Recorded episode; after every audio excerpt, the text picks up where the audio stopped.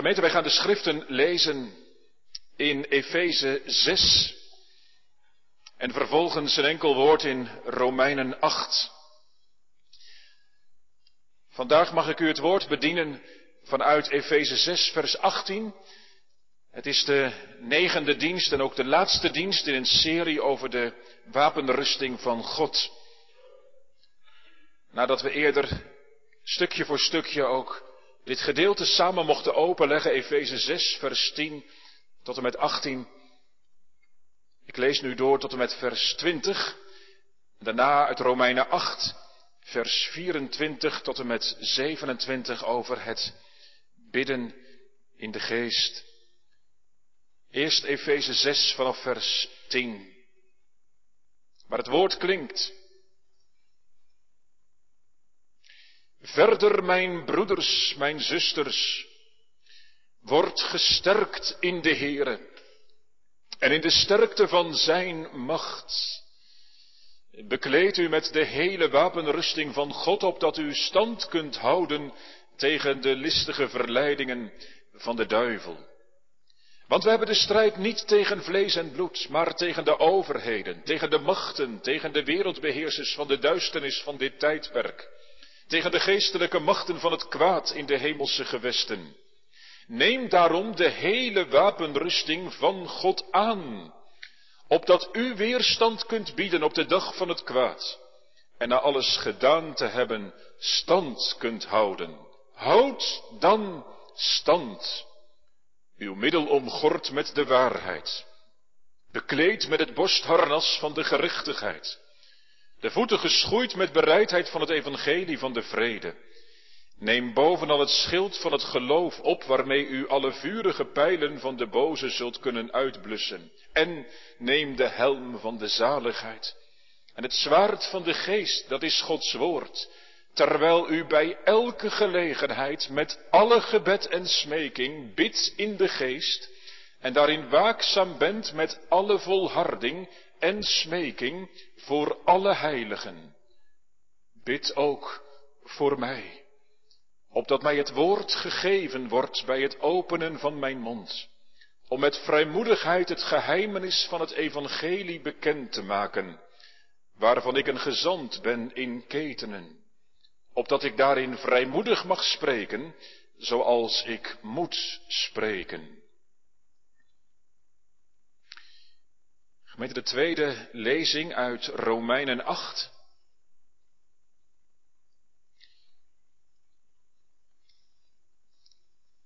Gedeelte over de onverlostheid van wat wij zien en ondervinden in de schepping en in ons eigen leven. In deze tijd die wacht op de komst van Christus. Romeinen 8, vers 24 tot en met 27. Want in de hoop zijn wij zalig geworden. Hoop nu die gezien wordt, is geen hoop. Immers wat iemand ziet, waarom zou hij dat nog hopen? Maar als wij hopen wat wij niet zien, dan verwachten wij het met volharding. En evenzo komt ook de geest onze zwakheden te hulp. Want wij weten niet wat wij bidden zullen zoals het behoort. De geest zelf echter pleit voor ons met onuitsprekelijke verzuchtingen. En hij die de harten doorzoekt, weet wat het denken van de geest is, omdat hij naar de wil van God voor de heiligen pleit. Tot zover de lezing van de schriften. Weet ik zei het, tekst voor de verkondiging deze morgen is het achttiende vers van Efeze 6 in het verlengde van de diensten die eerder mochten plaatsvinden. Het eind van de beschrijving van de geestelijke wapenrusting. Efeze 6 vers 18, terwijl u bij elke gelegenheid met alle gebed en smeking bidt in de geest en daarin waakzaam bent met alle volharding en smeking voor alle heiligen. De handout is beschikbaar op de website voor het geval u thuis die nog erbij wilt pakken. En ik zag dat de websitebeheerder heeft aangegeven als u nog een handout van de vorige diensten zou willen ontvangen, dan kunt u die ook opvragen, ook via de website. Ze zijn beschikbaar. Efeze 6, vers 18. Terwijl u bij elke gelegenheid met alle gebed en smeking bidt in de geest en daarin waakzaam bent met alle volharding en smeking voor alle heiligen. Bidden doet waken en waken doet bidden. Gemeente van Christus, het christelijk geloof is iets totaals. Vier keer staat er een klein maar veelzeggend woordje in onze tekst. Bij elke gelegenheid, zo staat er. Met alle gebed. Met alle volharding. Voor alle heiligen.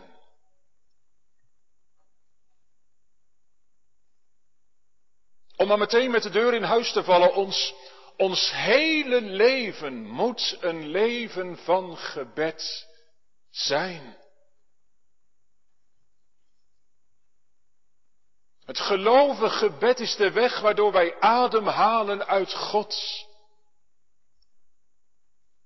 Het is het middel waardoor wij gesterkt worden in de Heere en in de sterkte van Zijn macht.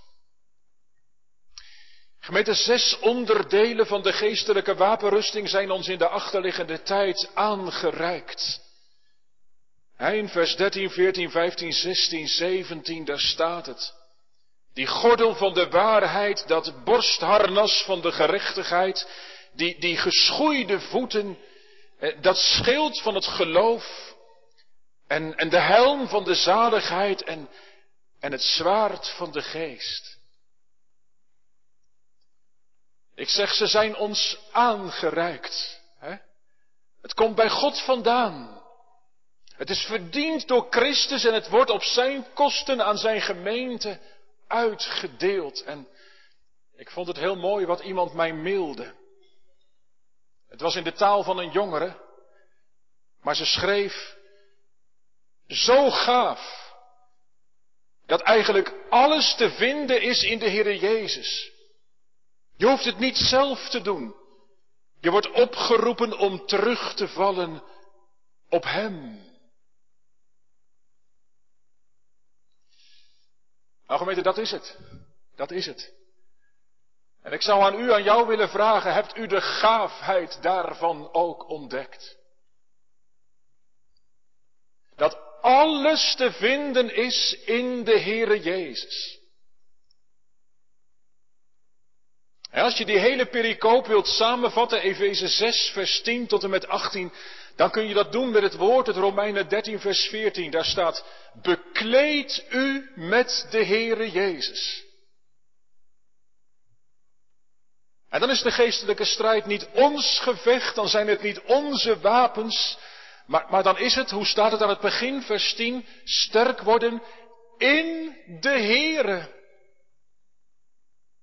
En dat is nou wat de tekst van vandaag ons nog eens dubbel en dwars laat zien. Ik zei, zes wapens zijn ons aangereikt.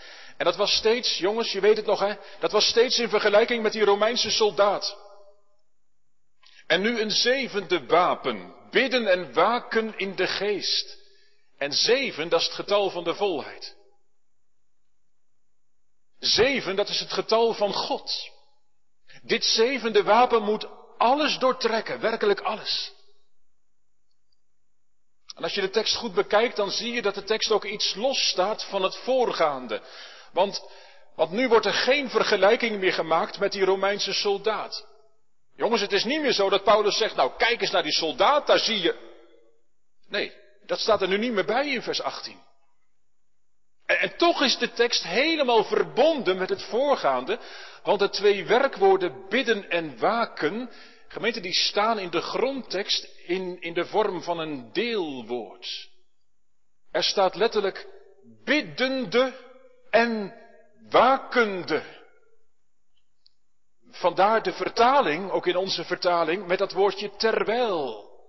Terwijl u bidt, terwijl u waakzaam bent, terwijl.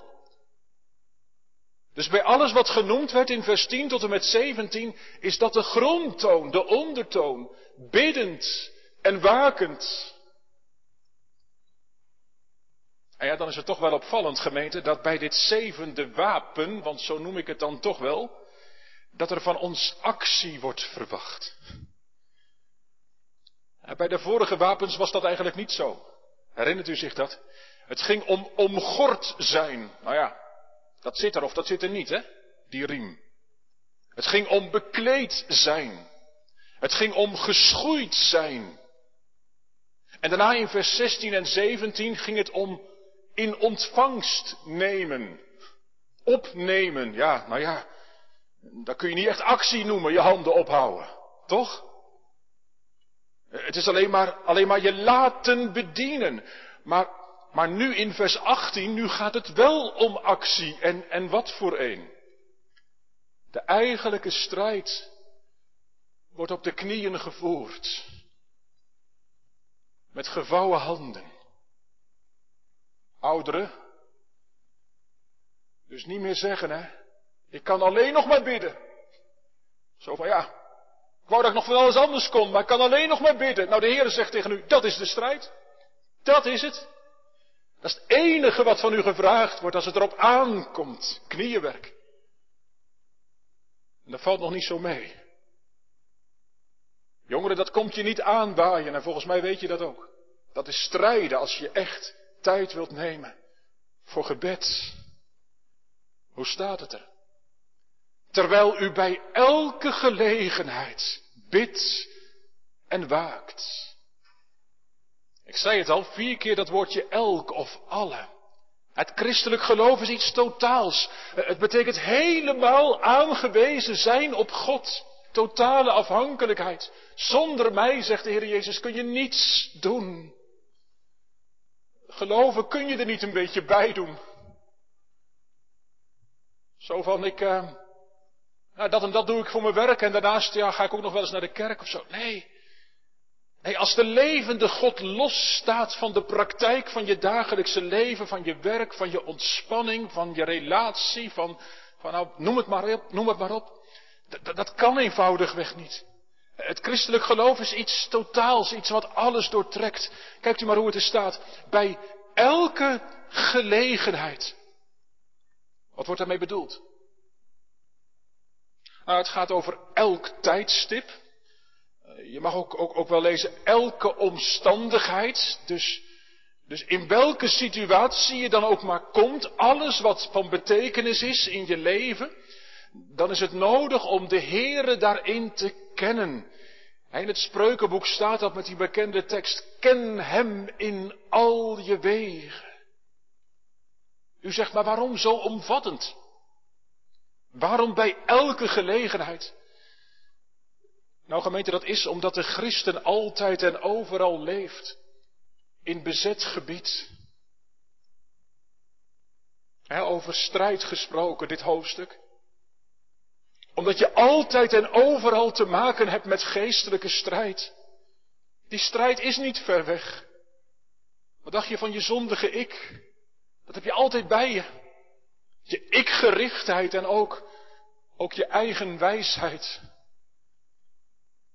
En daarbij, waar je ook maar komt, ja toch, daar zijn de listige verleidingen van de duivel, de trekkingen van de zonde.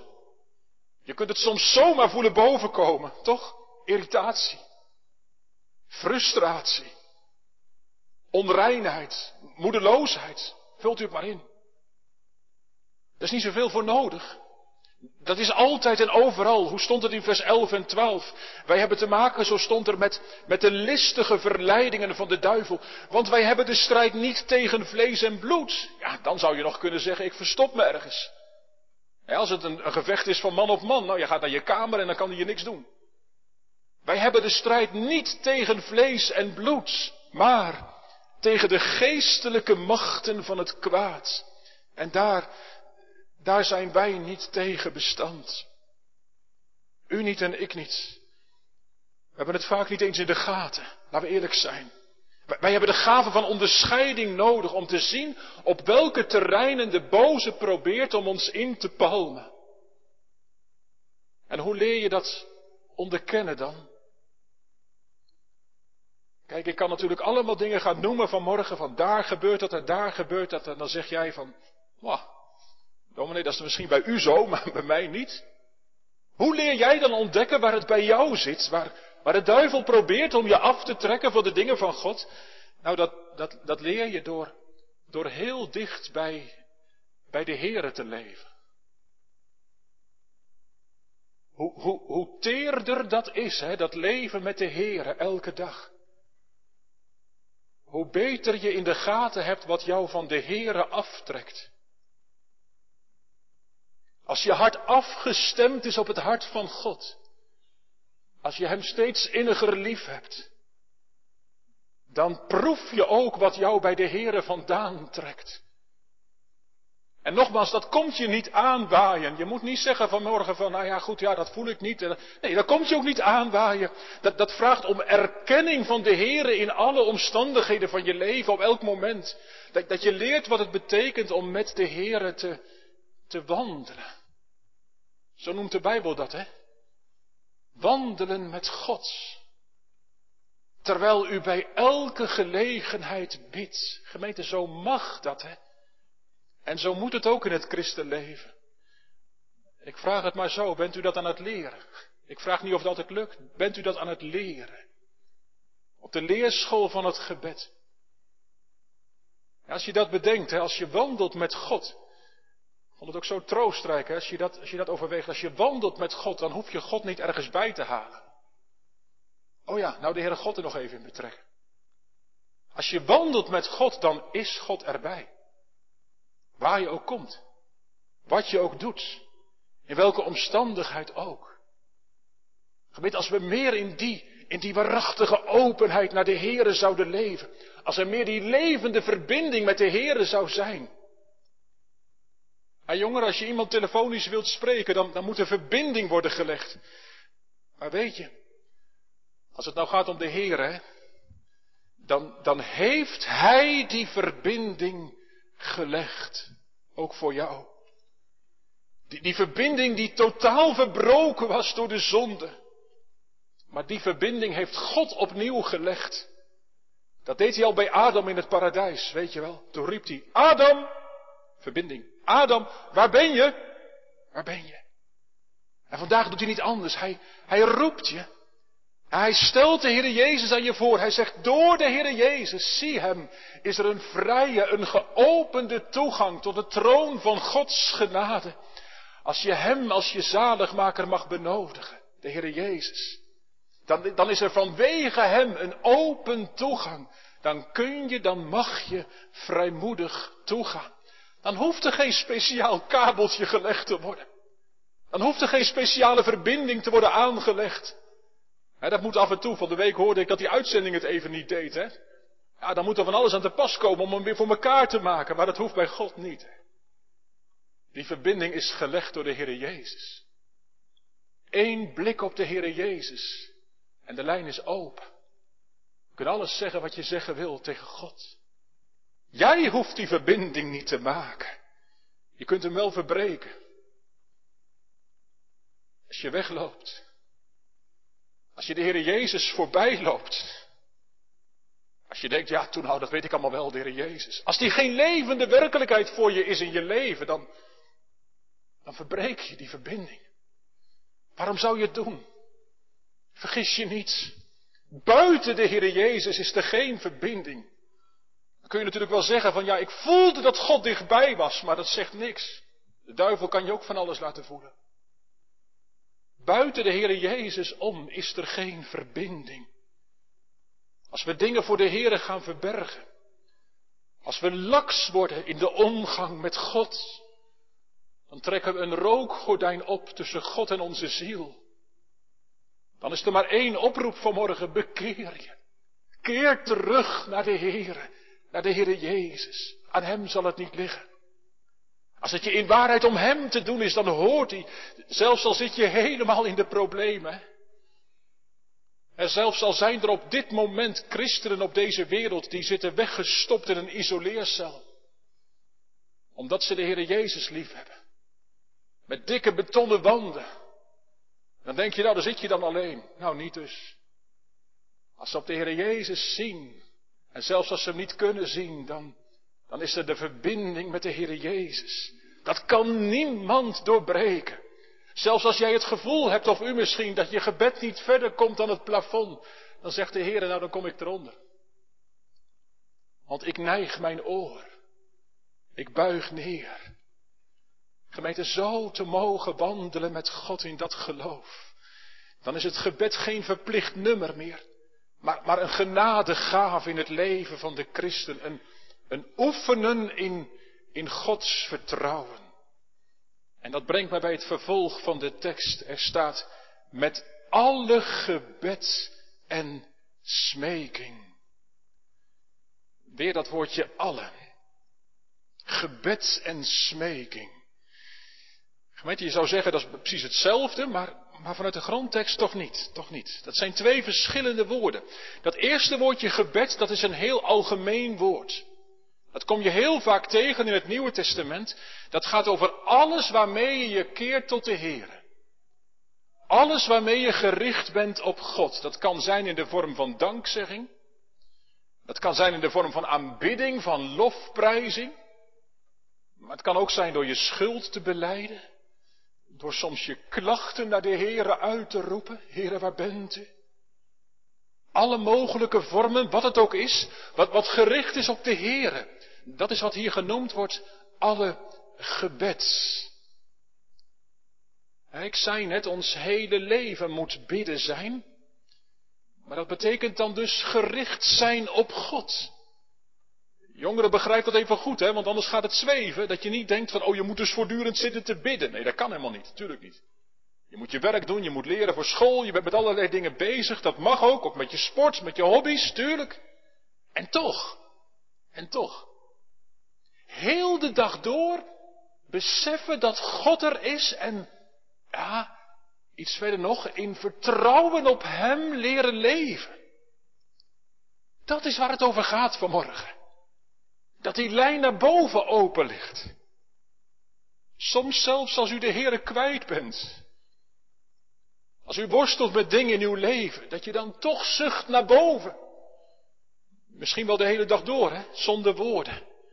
Maar dat het de uitgangen van je hart zijn naar God. Gemeente, dat is de weg om met die wapenrusting van God bekleed te zijn. Dag en nacht oprecht verlangen te leven. Waarop je op elk moment mag weten, maar de Heere kent mij. Hij ziet om Jezus wil in gunst, in genade op mij neer. Nogmaals, dat is wandelen met God. Ken je er iets van, jongeren? Voel je dat het eigenlijk deze vraag is? Is God nou levende werkelijkheid voor jou? God. Nee, nogmaals, niet dat je steeds aan God kunt denken. Dat kan niet, dat hoeft niet. Maar, maar wel dat je beleidt en gelooft en daar ook steeds meer bij mag gaan leven. Dat de Heer in alles van je leven betrokken is. Dat er niks is in je leven waarvan je zegt, nou ja, dat is zonder God. Met alle gebed. En dat tweede woordje, gemeente, met alle gebed er staat en smeking. Dat woordje smeking is veel specifieker. Dat wijst op een verzoek doen, zit er ook in, hè? Een, een smeekgebed richten tot God. Al je noden en je behoeften in gebed bij de Here brengen, heel concreet. Kijk, net zei ik van het is eigenlijk de hele dag door, hè, dat gebed. Je hart op God gericht en, en in alles het besef hebben dat de Heer er is en, en, en, en, dat Hij er zijn mag in je leven, dat was dat eerste. Maar, maar nu dat smeking, dat heeft te maken met die momenten van echt stil worden. Stil worden. Momenten waarop alle andere stemmen zwijgen, zodat je je hart op de Heere kunt richten. Vaste momenten op de dag, om je smekingen bij Hem te brengen. O u die Christus lief hebt, begin je dag zo. Je weet toch niet wat een dag zal brengen? Kan zomaar weer heel anders liggen dan je dacht. Maar wat staat die dag in een veilig licht? Als je smorgens al je verlangens door bidden en smeken met dankzegging bekend hebt gemaakt bij God. Dat woordje smeking, gemeente, dat, dat tekent zo onze afhankelijkheid. En strijders in het geloof, dat zijn geen krachtpatsers. Dat zijn, uh, dat zijn smekelingen, heel afhankelijk. Aangewezen op God en op zijn genade, omdat je zonder hem niets kunt doen.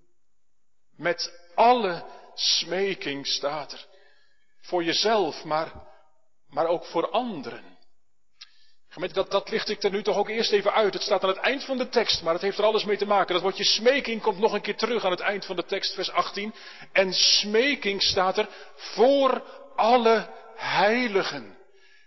Dan, dan gaat het over het concrete gebed voor, voor andere kinderen van God. Alle anderen die door het bloed van Christus gereinigd zijn. Die samen met u en jou staan in die branding van de geestelijke strijd. En gemeente, blijkbaar is dat ook nodig, die voorbeden voor elkaar. Want um, jongeren, weet je nog? Toch nog even die Romeinse soldaat. Weet je nog dat er één stuk van zijn lichaam niet beschermd was? Niet bedekt was? Dat was zijn rug. Dat was zijn rug. Als je dit, dit gedeelte leest, dan lees je niks over rugbedekking. En, en dat, dat is nu vanmorgen aan de orde. Weet je wat nou de rugbedekking is voor een gelovige in de geestelijke strijd? Dat is de voorbeden van anderen. Het gebed voor elkaar is, is het wapen in, in de geestelijke strijd als een ander soms niet bidden kan. En misschien wel wegloopt. Dat jij bidt, dat u bidt. Voor hem, voor haar. Gemeente, kijk in de spiegel. Hoe staat het met onze voorbeden? Er wordt best wat gemopperd, ook in de christelijke gemeente. En juist ook over elkaar. Op het schoolplein kan dat soms heel snel en makkelijk. Bij de koffie. Als hij nou is dit of als zij nou is dat. Maar als wij in de christelijke gemeente strijd voeren tegen elkaar, dan spelen we de duivel in de kaart. De Heer zegt vanmorgen, bekeer je van elke vorm van negatief geklets. Ga liever bidden. Smeking voor alle heiligen. Mag ik dan gemeente ook Paulus naspreken als dienaar van het woord? Want Paulus voegt er in vers 19 iets aan toe. Hij zegt, bid ook voor mij. Het is bijna zo'n PSje. Wil je dan ook voor mij gaan bidden? Als je dan toch gaat bidden voor alle heiligen, bid dan ook voor mij. Paulus, wat wil je nou? Wil je dat de Efeziërs gaan bidden dat je uit de gevangenis vrij mag? Daar zit hij. Hij schrijft dit vanuit de gevangenis. Bid ook voor mij, zegt Paulus. Dat ik bevrijd word uit de gevangenis. Nee, dat staat er niet. Dat staat er niet. Bid ook voor mij. Waarom dan? Paulus zegt, opdat mij het woord gegeven wordt. Bij het openen van mijn mond om met vrijmoedigheid het evangelie bekend te maken. Dat wij als domineesgemeente niet onze woorden zullen spreken, maar gegeven woorden. Dat ik weet welke woorden ik spreken moet vanuit zijn woord in onze tijd. Maar ook wat er staat om met vrijmoedigheid het geheimenis van het evangelie bekend te maken. Bid ook daarom dat de dienaar van het woord niet aarzelen zal om met volle vrijmoedigheid de goede boodschap van het evangelie te verkondigen. Alle gebed en smeking, smeking voor alle heiligen. Gemeente, daar is reden voor. Voor die voorbeden voor elkaar. Want, want zo werkt de Heer. Hij gebruikt het gebed van anderen. Wilt u een paar voorbeelden? Denk aan Jairus. Ja, Iris die voor zijn dochtertje naar de Heer Jezus ging. Jongens, meiden, jullie weten dat ook. Wat gebeurde er? Dat meisje werd opgewekt uit de dood. Denk ook aan die ouders, of misschien waren het wel opa's en oma's, die kinderen bij Jezus brachten. Ze waren misschien uit zichzelf nooit gegaan, dat durfden ze niet. Maar wat deed Jezus? Hij omving ze met zijn armen. Hij legde de handen op hen. Hij zegende hen. Denk aan Mozes die met opgeheven handen, terwijl die niks deed in het gevecht, maar ervoor mocht zorgen. Ah, God deed het. Maar toch, met opgeheven handen, dat de Amalekieten werden verslagen. Voorbiddend en biddend werd de overwinning behaald. Wat dacht u van de Heer Jezus gemeente? Hij is de grote voorbidder ook op dit moment, die, die in de hemel voor allen bidt die door hem tot God gaan. Oh, daar zijn u en ik zo van afhankelijk. Maar hij is het die ook hier, in dit gedeelte, die wapens aanreikt op zijn kosten, de grote voorbidder in de hemel. Dank, o heilands, voor uw lijden, maar ook voor uw biddend strijden. Gemeente, maar er staat nog iets in onze tekst. Want, want hoe bid je dan? Terwijl u bij elke gelegenheid, met alle gebed en smeking, bidt in de geest. In de geest. Wat is dat? Ja, de eerlijkheid gebied te zeggen, sommige mensen, sommige christenen, die claimen deze uitdrukking voor een heel speciale manier van bidden. Dat het dan opeens iets heel bijzonders wordt. Gemeente, maar als we dit goed lezen, is dit niet een bepaald soort bidden, maar het enige echte bidden. Je bidt in de geest of je bidt helemaal niet. Althans niet op een manier die God wil en die Hij verhoort. Bidden in de geest, dat heeft, dat heeft er allereerst alles mee te maken dat je bidt niet op jezelf gericht, als ik maar, maar dat je bidt gericht op God. Op Zijn eer en op Zijn beloften. want de Heilige Geest werkt altijd aan op de eer van God. En, en op het groot maken van de Heer Jezus. Het, het is bidden met een adres, dat is bidden in de geest. Geen schietgebedje op goed geluk.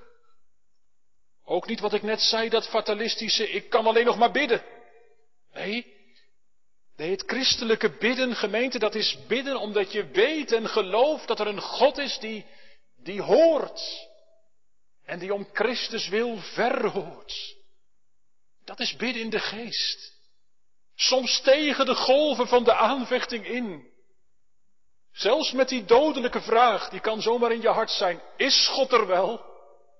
Wat doe ik nou eigenlijk als ik aan het bidden ben? En dat je dan toch blijft roepen omhoog.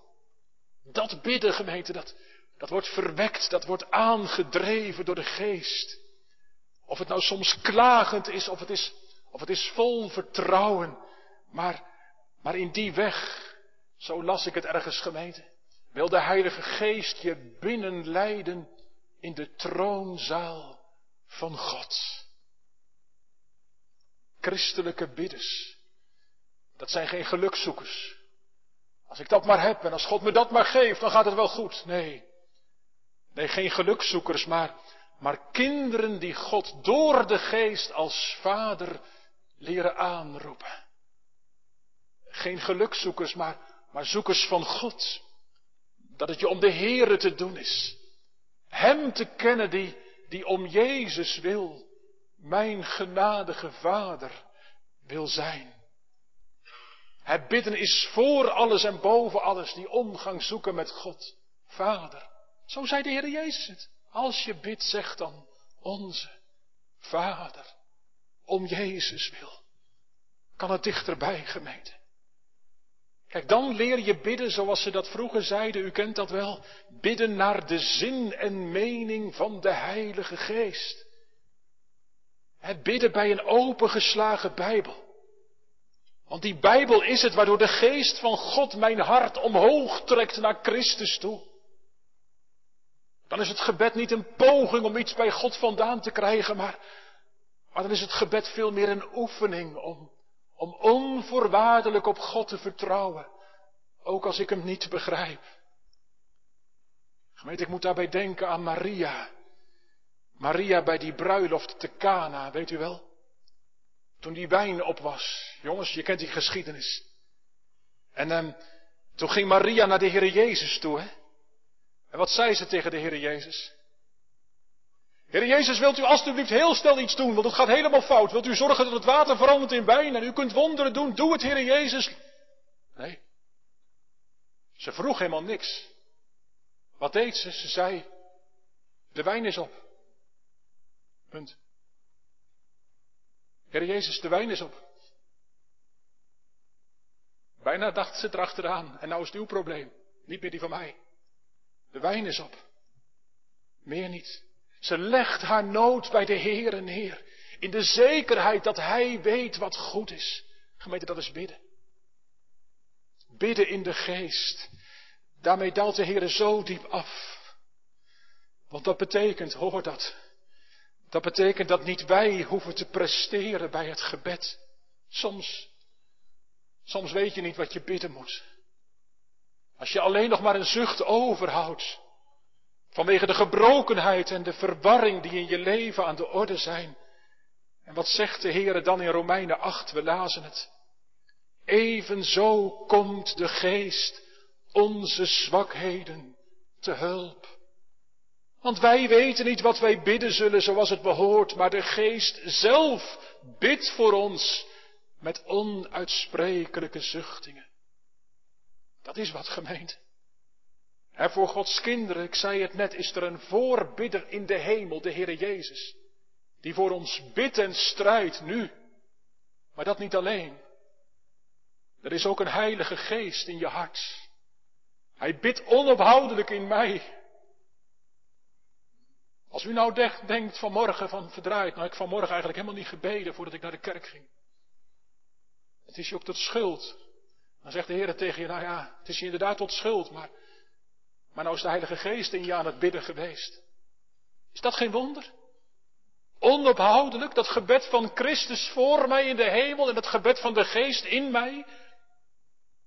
Gemeente, wat is het nodig dat ik stil word bij, bij het bidden? Dat, dat alle andere stemmen gaan zwijgen. En, en dat de Geest zelf in mijn bidden meekomt. Dan, dan mag ik me door het gebed gedragen weten, ik zei het, in, in de troonzaal van God. En, en dan doet de geest mij ook steeds meer uitzien, uitkijken naar de grote dag waarop Jezus Christus komt. Want dan is de strijd voorbij, dan kunnen al die wapens de prullenbak in. Dan zien wij de Heer Jezus. En, en de geest die roept daarom. En hij brengt het ook, ook in ons hart. Hij brengt de bruid van Christus daarbij. Hij zegt, kom Heer Jezus. Kom haastig. En dat brengt nog bij dat laatste gemeente waar we eigenlijk al helemaal in zitten hoor. In vers 18 er staat, wees daarin waakzaam met alle volharding. Met alle volharding. Ja, er staat een heel sterk woord gemeente, ook daar in het Grieks. Het wijst op het constante, het volhardende gebed. Ik kan het niet genoeg benadrukken. Elke dag die momenten van stil worden voor God. Op vaste tijden, dat is bijbels. Maar, maar u voelt het wel aan, in onze tekst gaat het vooral om dat biddende leven. Niet die paar momentjes, maar dat leven dat beademd wordt door het gebed. Bij elke gelegenheid. Met alle volharding staat er. In alles van je leven God levende werkelijkheid laten zijn. En dat zal zo zijn, gemeente. Als je niet alleen gehoor geeft aan die roepstem om biddend te leven, maar ook dit laatste, om wakend te leven. Want als je wakend leeft, als je je ogen niet sluit voor wat er gebeurt, ook vandaag de dag in deze wereld, ongekend. Als je je ogen er niet voor sluit en iets proeft dat God bezig is, wat gisteren een broeder zei, dat die voetstappen van de Heeren gewoon gehoord worden. Deze aarde, zo is het. Dan dringt dat je om des te meer bidden te leven, ja toch? Hoe vaak heeft de Heer Jezus dat niet gezegd, juist als het ging om de wederkomst? Dat hij zei, waak en bid. En deze notie van waakzaamheid, gemeente, die sluit weer helemaal aan bij die beschrijving van vers 10 tot 17. Want, dat weet u toch nog, het ging er niet om dat wij de overwinning moesten behalen. Dat doen wij niet. Die is behaald door een ander. Het ging er wel om, vers 13 en 14, dat wij stand zouden houden in de strijd. En daar gaat het ook over hier in het midden van vers 18. Je zou kunnen lezen, met het oog daarop om stand te kunnen houden, wees waakzaam met volharding. De Heere zegt vanmorgen, als je stand wilt houden, hoef je geen oorlog uit te vechten. Dat is niet aan jullie besteed. Dat niet. Maar je moet wel wakker blijven. Want de duivel werkt heel graag met slaperige christenen. Die, die palmt hij zo in. Die neemt hij mee zonder dat ze het in de gaten hebben. Maar, maar een wakker christen, dat is iemand die op de uitkijk staat. Gemeente, de vraag dringt, bent u dat? Of zeg je nou van, ja, die wederkomst, dat vind ik vaak zo moeilijk en zo. Leeft u nou biddend daar naartoe? Want hij komt. Hij komt. En er is geen betere manier om te waken, gemeente, om, om vol te houden in het waken dan, dan als je biddend leeft. En andersom, als je, als je waakzaam bent, als je je ogen richt op de komende Christus en ook de dingen die vandaag gebeuren in dat licht wilt zien, dan dringt dat je tot gebed. Om alert te zijn voor al die pogingen van de duivel om het te verlammen. Biddend en wakend. Jongeren, wat moet jij doen als de zonde jou lokt? Moet je bidden. Ja, echt waar. Wees wakker en bid, want biddend raak je verbonden aan de Heer Jezus, de overwinnaar, die in de hemel voor je bidt. En biddend geef je de Heilige Geest de ruimte om te werken in je hart. Biddend waken en wakend bidden. En gemeente van God, daarmee komt dan vanmorgen alles wel op scherp te staan. Want in negen diensten heeft de Heere ons in grote ernst stilgezet bij de strijd die gaande is. De strijd om je ziel. En ik bid je, onderschat het niet. Jouw leven hier op aarde is voorbereiding op de tijd die komt. Op de ontmoeting met God. Op de eeuwigheid. En kies dan ook vanmorgen wie jij dienen wilt. Voor het eerst of weer opnieuw. Ooit vertelde de Heer Jezus een gelijkenis. En hij deed dat om duidelijk te maken dat je altijd moet bidden. En niet de moed moet verliezen. En toen hij die gelijkenis had verteld, de Heer Jezus, toen stelde hij een vraag. Deze vraag. Hij zei, zal de zoon des mensen, als hij terugkomt, zal hij dan wel het geloof vinden op de aarde en in Oud-Beierland? Dit geloof dat tot uiting komt in volhardend gebed. Gemeente, ik las van een man die spottend omhoog keek in een donkere nacht. En die keek naar de sterren en die uitriep, dat koninkrijk van u, Heere God, komt er nog wat van? Maar vanmorgen, vanmorgen draait de Heer Jezus die vraag om. En hij kijkt u en hij kijkt jou en hij kijkt mij aan en hij zegt, mijn koninkrijk dat komt. Maak je geen zorgen. Ik kom eraan. Maar jij, geloof je daar met al de vezels van je bestaan in? En, en, en kijk je er ook naar uit? Amen.